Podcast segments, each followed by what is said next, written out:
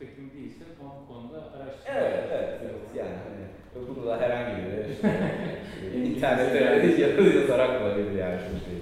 Şimdi hukuki, hukuki boyuta geçelim. Türkiye'nin ki durumundan bahsedelim biraz. Şimdi hayvanlara karşı yaklaşım nasıl şeyden e, Türkiye'de? Düzenlemeleri falan biraz bahseder misiniz? Ee, yani bir kere şunu ben hani vurgulayarak başlayayım. Yani ben tezimde hukuk bölümünü inceledim. Çünkü hukukun ben e, toplumu dönüştürme ve toplumsal tartışmalar konusunda önemli bir yerin olduğunu düşünüyorum.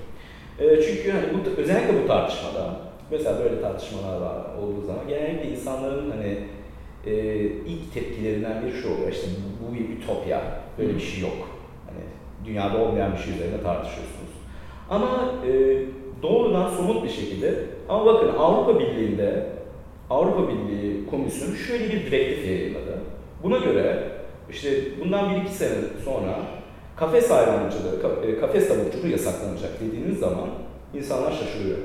Neden? Çünkü o zaman artık ütopyadan somut bir şeye geçiyorsunuz. Başka bir şey mesela e, hem Avrupa Birliği'nde hem e, Avustralya'da, Yeni Zelanda'da bugün eğer insan işte türünün devamını engel, devamını tehlikeye sokacak bir hastalık yoksa bir yüksek primat üzerinde deney yapamazsınız. Oyun e, hayvanları mesela deneyde kullanılmamak var. Bunu söylediğiniz zaman insanlar şaşırıyor. Çünkü o noktada artık işte birkaç deli vejetaryen bir şey savunuyor da öte işte baya baya medeni e, güçlü ülkelerin bu konuda bir tabi kaldığı sonucunda bu da iş gelişiyor. Belki ha, yüksek primat. Ee, yüksek primat aslında insanın hani evrim e, ağacında diyebiliriz ki en yakın e, evrimsel e, e, memeli, memeli diyebiliriz. Yani maymun gibi. Evet, evet. E, şempanzeler ve bonobolar. E, bunlar e, neden kullanılıyor? Çünkü DNA açısından %97'ye yakın DNA benzerliği var. Evet, bilgisayar olarak da oldukça yüksek. O yüzden hani bir, psikolojik deneylerde kullanılıyordu. Mesela bu e, ülkelerde artık kullanılmıyor. Psikolojik deneyler e, hem Avrupa Birliği'nde e, hem de Avustralya'da, Yeni Zelanda'da yüksek primatlar konusunda yasaklandı. Peki Türkiye'deki hukuki durumdan bahsederken bildiğim kadarıyla en son pet shoplarda hayvan satışı yasaklandı değil mi? Yani şöyle söyleyeyim, ha, e, belli kriterler, ölçütler getirildi. Ve bu ölçütleri önemli sayıda pet shop karşılayamadığı için artık hayvanları yormuyorsunuz e, satabilir eğer o koşullar e, gerçekleşirse ama çok zor. Bunlar hayvan refahı ile ilgili Evet, yani hayvan refahı diyebileceğimiz şey, e, kavram, e, animal welfare diyebileceğimiz aslında bu faydacı bir kavram. Çünkü e, hayvan refahı şunu söyler, hayvanların acı çekmemesi gerekir ve makul hazları tecrübe edebilmeleri gerekir. Yani tam faydacı felsefeyle e, paralel olan bir kavram ve hayvan refahı düzenlemeleri hayvanların acı çekmelerini mümkün olduğunca azaltıp belli hazları tecrübe etmelerini sağlıyor. Örnekler verirsek mesela Avrupa Birliği e, açısından da mesela çiftlik hayvanları ile ilgili önemli e, refah düzenlemeleri var. E, mesela birçok e, kafes düzenlemesi var. İşte deniyor ki şu kadar santimetre kareden ufak olamaz. İşte şu kadar daha fazla e, kafesi üst üste koyamazsınız veya belli e, zaman aralıklarında aydınlatma vermeniz gerekir. İlla e, bir e, fabrikada olsanız bile gibi. E, veya e, büyükbaş hayvancılıkla ilgili diyetini belli şekilde sağlamanız gerekir. E, hareket edebilecek alan yaratmanız gerekir. E, deneylerde kullanılan hayvanlar açısından da çok önemli gelişmeler var dünyada. Türkiye'de bunu kabul etti, az, biraz sonra onu değineceğim. Mesela 3D ilkesi çok önemlidir deney hayvanları konusunda. E, bunlar üç İngilizce kavramlar geliyor. İşte replacement, reduction, refinement. E, replacement ikame etmek demek. Yani e, şu, bu ilke şunu savunuyor. Eğer belli bir e, bilimsel araştırmayı hayvan kullanmadan e, yapabiliyorsanız, bu simülasyon olabilir, işte bitki üzerinde olabilir veya işte doku kültürü olabilir veya önceki yapılmış deneylerden elde edilen bilgilerle çıkarımlarda bulunabiliyorsanız o zaman hayvan kullanmayın. İki, reduction.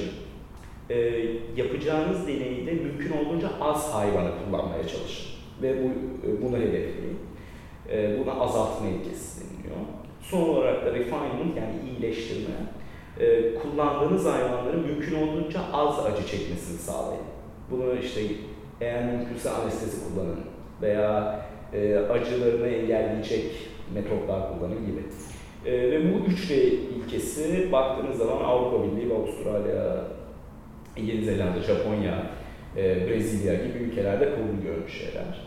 E, ve bunların uygulanması için de e, hem özel düzenlemeler var, e, yönetmelikler, kanunlar, hem de bunların birebir uygulanması için de e, etik kurullar var. Merkezi etik kurulları var, yani e, merkezi hükümet denetiminde olan ve yerel etik kurullar var. Yani bir deney yapılacaksa işte Boğaziçi Üniversitesi işte genetik bilimi laboratuvar diyelim. Burada bir yerel e, etik kurumu olması gerekiyor ki bu e, ilkeler ve hukuki düzenlemeler uygulansın.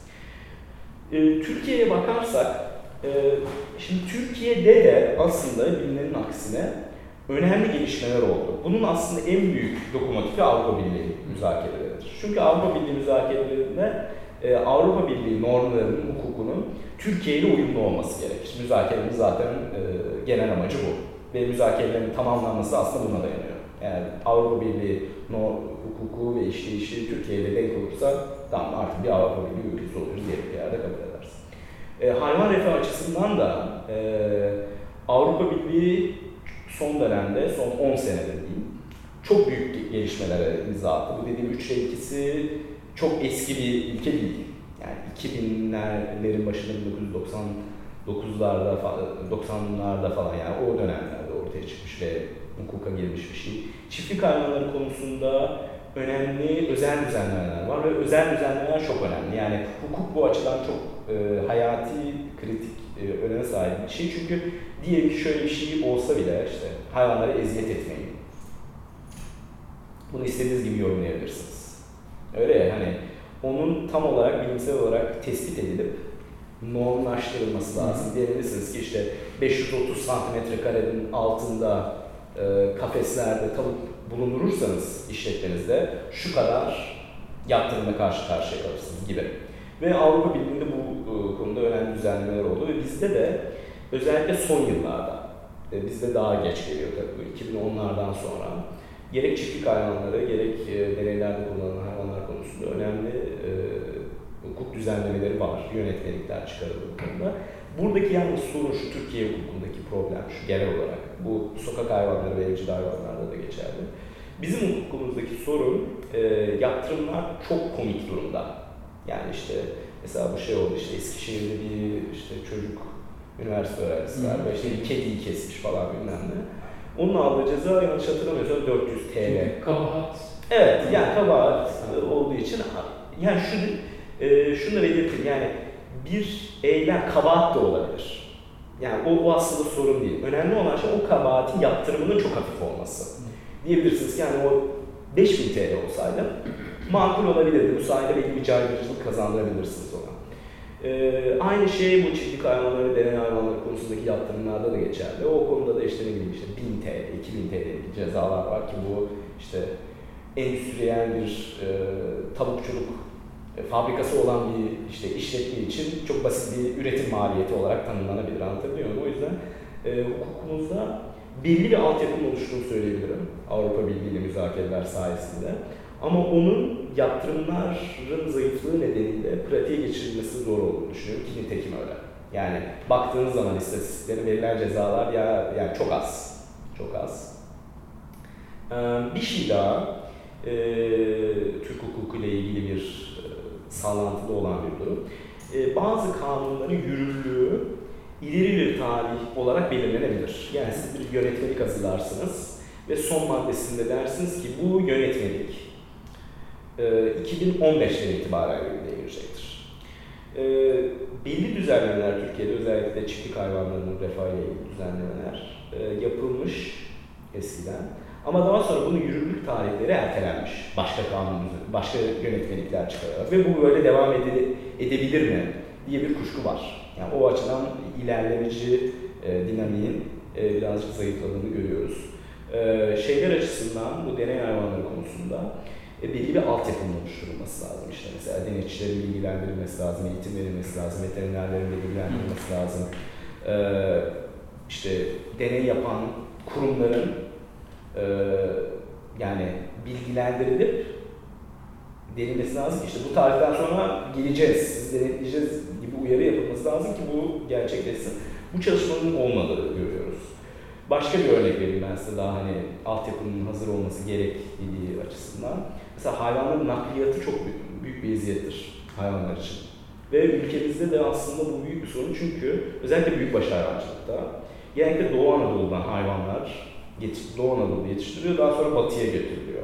Daha çok etkileri nüfus oranı orada olduğu için. Ve çok büyük, mesela 12 saat hayvanlar üst üste alt alta işte dinlenmeden böyle gidip götürüyor ve büyük bir eziyet var orada. Bununla ilgili de bir e, yönetmelik çıkarıldı. Yine Avrupa Birliği ile birebir neredeyse çevirisi yani o açıdan iyi.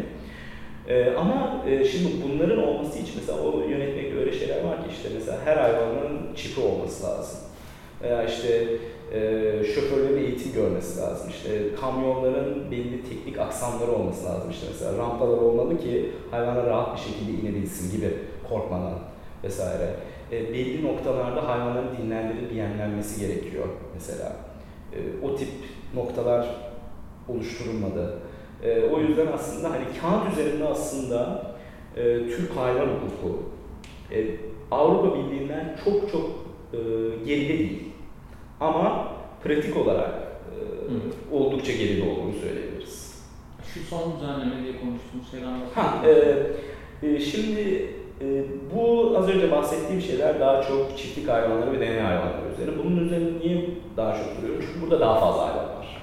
Dediğim gibi hani 1 milyar hayvan var. Daha fazla hatta. E, evde sokak hayvanları da yine 10 binlerle ifade edilecek bir şey. Önemli bir konu. E, şimdi orada da e, belli tartışmaların olduğunu söyleyebiliriz. Birincisi bu sokak hayvanları konusunda ne yapılacağı meselesi. Sokak hayvanları sokakta bırakılmalı ve orada rehabilite edilmeli. İşte veteriner e, desteği, yemlenmesi, beslenmesi. Yoksa bu hayvanlar toplanılıp merkezi bir yerde bakılmalı mı arasında gidip geliniyor. E, bu tartışmada e, şöyle söyleyeyim, kolay bir çözüm yok. Yani sokak ne sokaklar çok böyle hayvanlar için bir cennet baktığınız zaman çoğu hayvan hasta veya işte aç.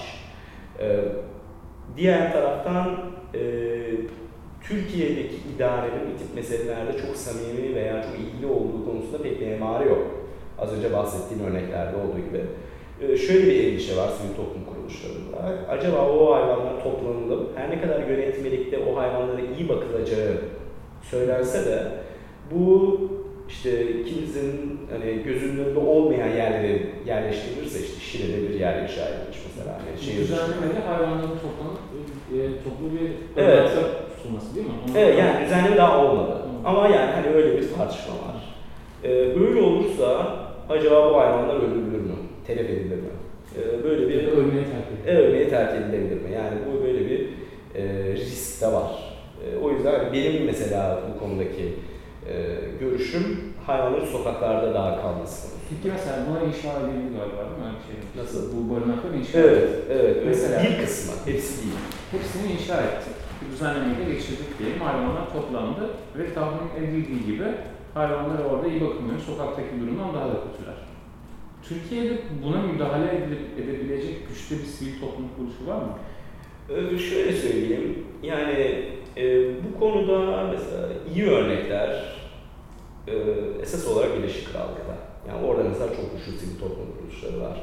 E, veya Avrupa Birliği'nde de yine sivil toplum kuruluşları var ve idare içerisinde sırf bu konuda mesela Fransa'da öyle bir komite var. Hayvan Refah Komitesi diye ayrı. Neyin içinde bir komite? E, yanlış hatırlamıyorsam Tarım Bakanlığı'nın içerisinde ama ayrı otonom ee, işte akademisyenleri veya işte veteriner e, işte odalarından üyeler arıyorlar ve bu konuda özelleşiyor bir denetim, deney kontrol organı var.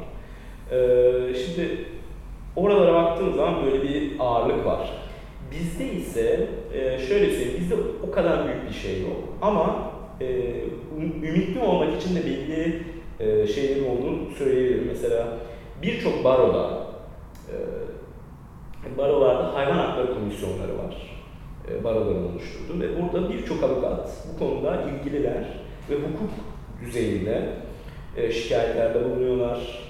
E, milletvekilleriyle temas halinde oluyorlar mesela bu düzenlemelerin nasıl olması gerektiği konusunda vesaire. O açıdan da hani Türkiye'de hani böyle çok güçlü bir sivil toplum hareketinin olduğunu söyleyemeyiz.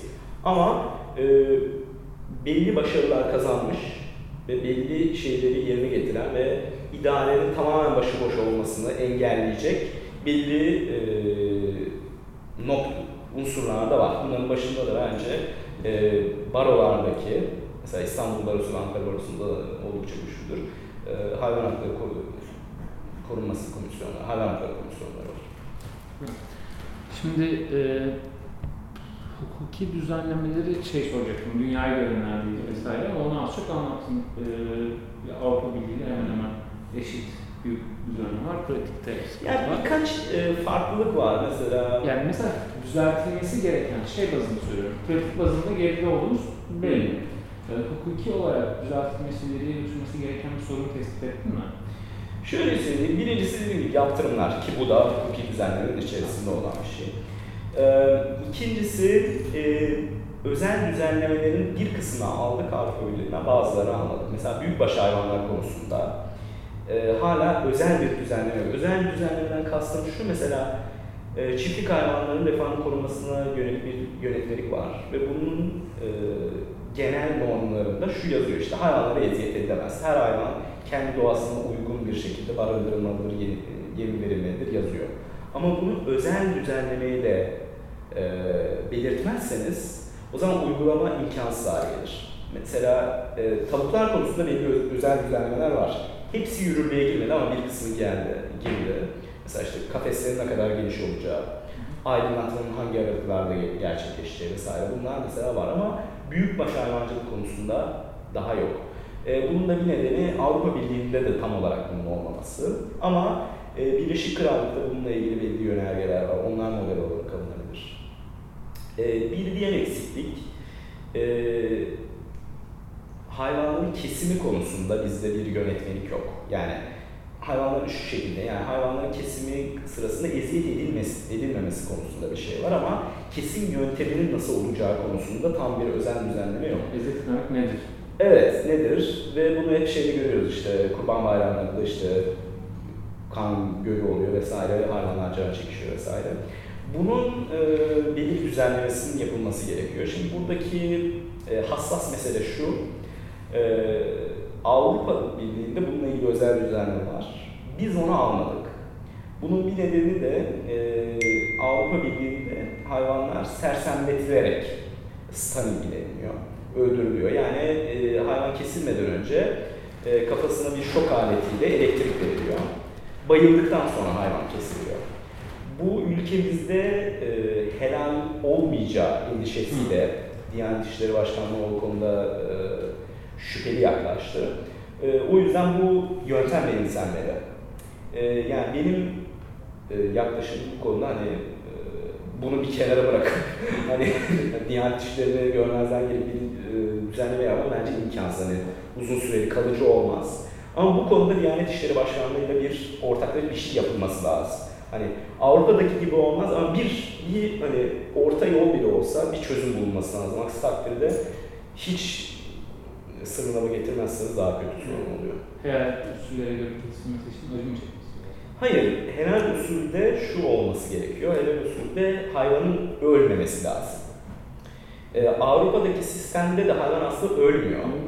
Ama beyin ölümünün gerçekleştiğine dair e, bir kuşku var. Bir diğer şey de helal kesimde hayvanın kesilmesinden sonra kanının akması e, o kesimin sağlıklı gerçekleştirildiğine dair bir emare olarak görülüyor. Hayvanı e, sersemletip kestiğiniz zaman o kadar kan gelmiyor. O yüzden belli bir endişe var.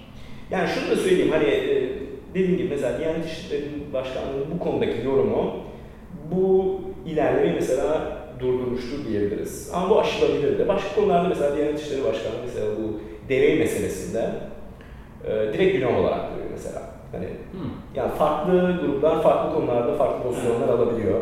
Yani e, o açıdan da hani e, tamamıyla e, müthiş bir tıkanıklık olduğunu da söyleyemeyiz. Şeyi soracaktım bundan sonra yani bu tarz sorunlar var çok çok pratik iş görüyoruz. E, bunları ilerletmek için, düzeltmek için sivil toplum ne yapabilir? Veya şöyle sorayım, bir vejetaryanız, et yemiyoruz falan. Kedi gördüğümüzde sokakta seviyoruz. işte aynı güzel kedi. Ee, insan arkadaşlarımızla konuşuyoruz, işte yemesiniz. Zaten siz konuşmadan onlar sana soruyor. Ee, böyle bir insan olarak bu tarz şeyler için ne yapabiliriz? Ee, şöyle söyleyeyim, bu konuda o erdem etiği e, kuramın temsilcisi Rosa Körsas'ın güzel bir analizi var. Diyor ki, e, muhtemelen diyor, bu işte arzu ettiğimiz hayvan özgürleşmesi veya bu radikal değişimleri biz görmeyeceğiz. Yani görsek de çok zor olacak. Bu konuda belli erdemler çok önemlidir. Bunlardan ikisi şeydir, e, ümitli olmaktır ve mütevazı olmaktır. Bir kere en başta e, bu konuda gerçekten bir şeyler olması konusunda belli bir ümitinizi kaybetmemeniz gerekiyor. Benim ilk şeyim bu. Yani ilk başta hani hiçbir şey değişmiyor diye bakarsanız e, çok karamsarlığa gitme riski var. İkincisi de e, yaptığınız katkı konusunda çok böyle açgözlü veya iddialı olmamamız gerekiyor. Veya e, illa çok büyük bir şey olması beklemememiz gerekiyor. Yani alçak gönüllü olarak tamam burada büyük bir sorun var. Benim de katkım budur. Ve bu kadarı da makuldür, kabul edilebilirdir. Olarak ilk başta bence başlamak gerekiyor. Ben o konuda Örstahus'un analizin güzel bir noktaya değindiğini düşünüyorum. Pratik olarak ne yapabiliriz? E, vejetaryenlik dediğim gibi bence kritik bir öneme sahip ama onun da ötesinde e, insanlarla etkileşim içinde olurken bence felsefe şu açıdan önemli. E, genellikle bu tip etkileşimler e, belli bir felsefi tartışmayı içeriyor.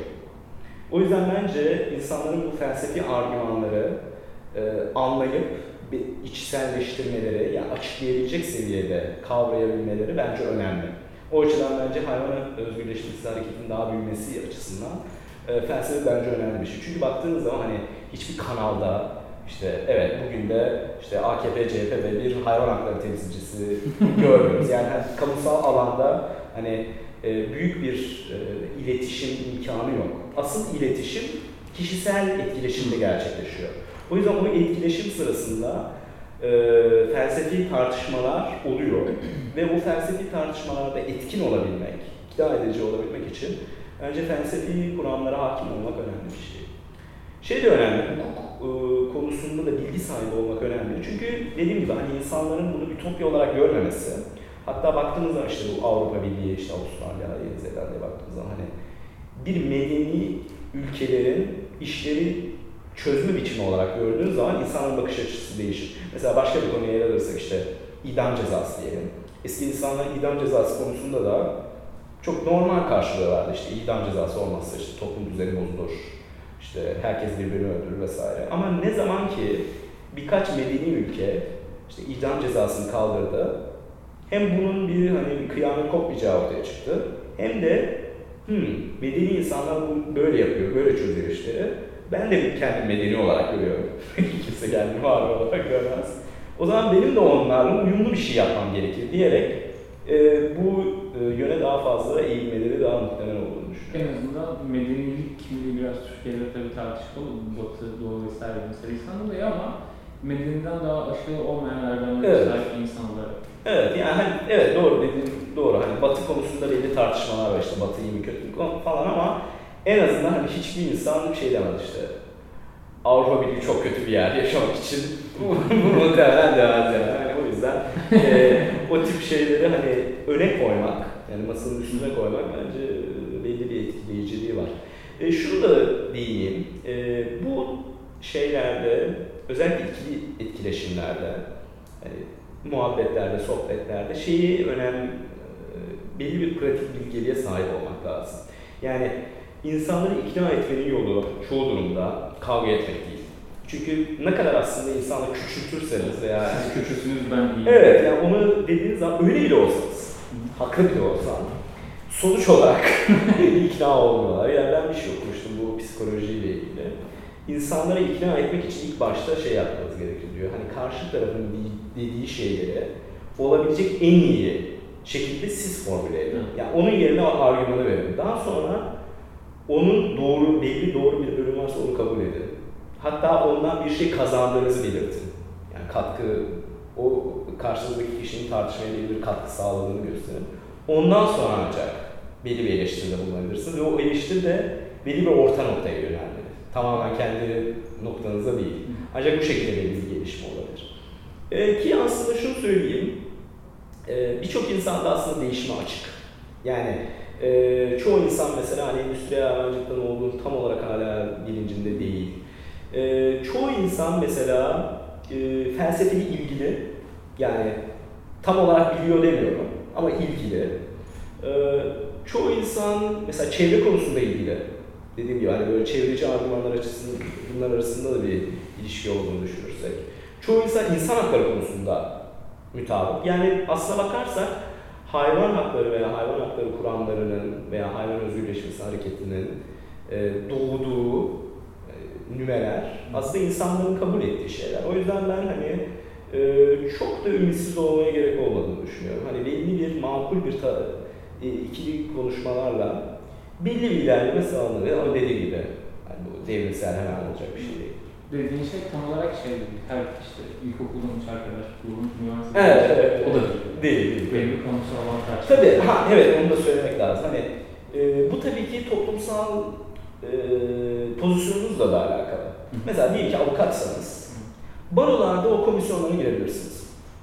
Diyelim işte üniversite öğrencisiyseniz, işte öğrenci komitelerinde vesaire bununla ilgili bir şey söyleyebilirsiniz. E, akademisyenseniz bununla ilgili bir şeyler yazabilirsiniz. e, siyasetle daha yakınsınız mesela. Net, e, hani networkleriniz buna imkan veriyorsa kanun koyucularla veya milletvekilleriyle iletişim halinde olabilirsiniz. Türkiye için. Ha, Türkiye için. Hani e, herkes bir şeyler yapabilir veya diyelim medya ile daha yakınsınız. Onlara mesela belli programlarda buna yer vermelerini rica edebilirsiniz diyebilirsiniz. Yani herkes aslında bulunduğu özel somut koşullara uygun yaratıcı çözümler getirebilir. Ama hani e, şey çok mümkün gözükmüyor bu noktada işte ne bileyim bütün hayvan özgürleşmesi taraftarları hadi bir yerde toplanalım işte durmadan eylemler yapalım. Hani yapılabilir bu arada. Hani bir etkisiz de, de- demiyorum ama hani sadece bununla en azından şu etapta e, kendi başına bir çözüm olmaz. Tabii ki bu yani yapılması gereken şey mümkün olduğunca bunu yaymak. Yani, yani şöyle bir imaj var. Şimdi vejetaryen, vegan vesaire veya hayvan hakları konusu falan dediğinde sürekli kucağında kediyle dolaşıyor. Her gördüğü kediyi sıkıştıran falan bir... Öyle olmak zorunda değil, bunu biliyoruz. Yani e, hayvan sevmeden de hayvanların Evet. böyle olduğunu tanıyıp onu saygı duyabilirsiniz. Ama böyle bir var. Şimdi bunu bir kenara koyalım. Türkiye'ye baktığımızda çizdiğim e, çerçeve biraz aslında hakikaten bence gerçeğe de yakın.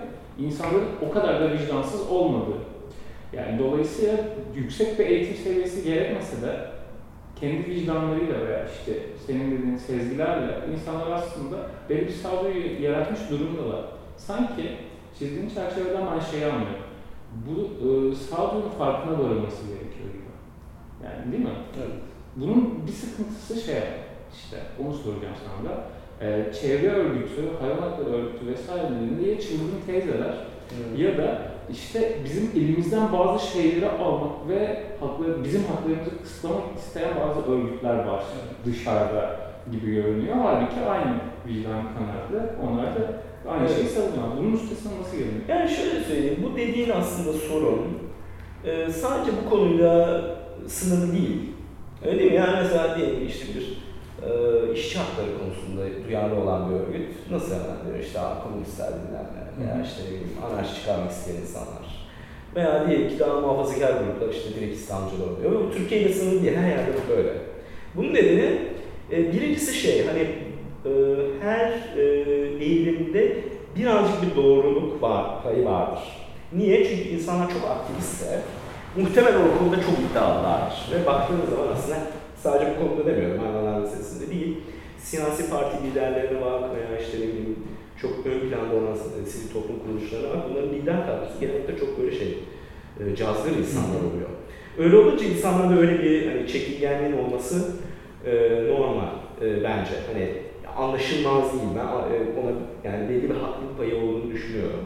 Şimdi tabii ki hayvanlar meselesinin dışındaki meselelerde o grupların belli gücü olduğu için sorunlar o şekilde çözülebiliyor. Burada o güç olmadığı için hani baskı grubu açısından böyle olumsuz bir e, şey oluyor. Bunun çözümü bence diğer meselelerde olduğu gibi benim kişisel kanaatimce e, kişisel etkileşim ve grup etkileşim bence e, o bariyerleri aşabilir. Yani bir kişinin işte e, bahsettiğin stereotip diyebileceğimiz stereotipik e, nitelikler aslında hani e, gördüğü sınırlı tecrübelerden ortaya çıkıyor ve başka şey tecrübeler yaşadığı zaman o tecrübeler e, perspektifinden bakıp yine o tecrübeleri e, yine temellendiriyor ve bu böyle bir döngü oluyor.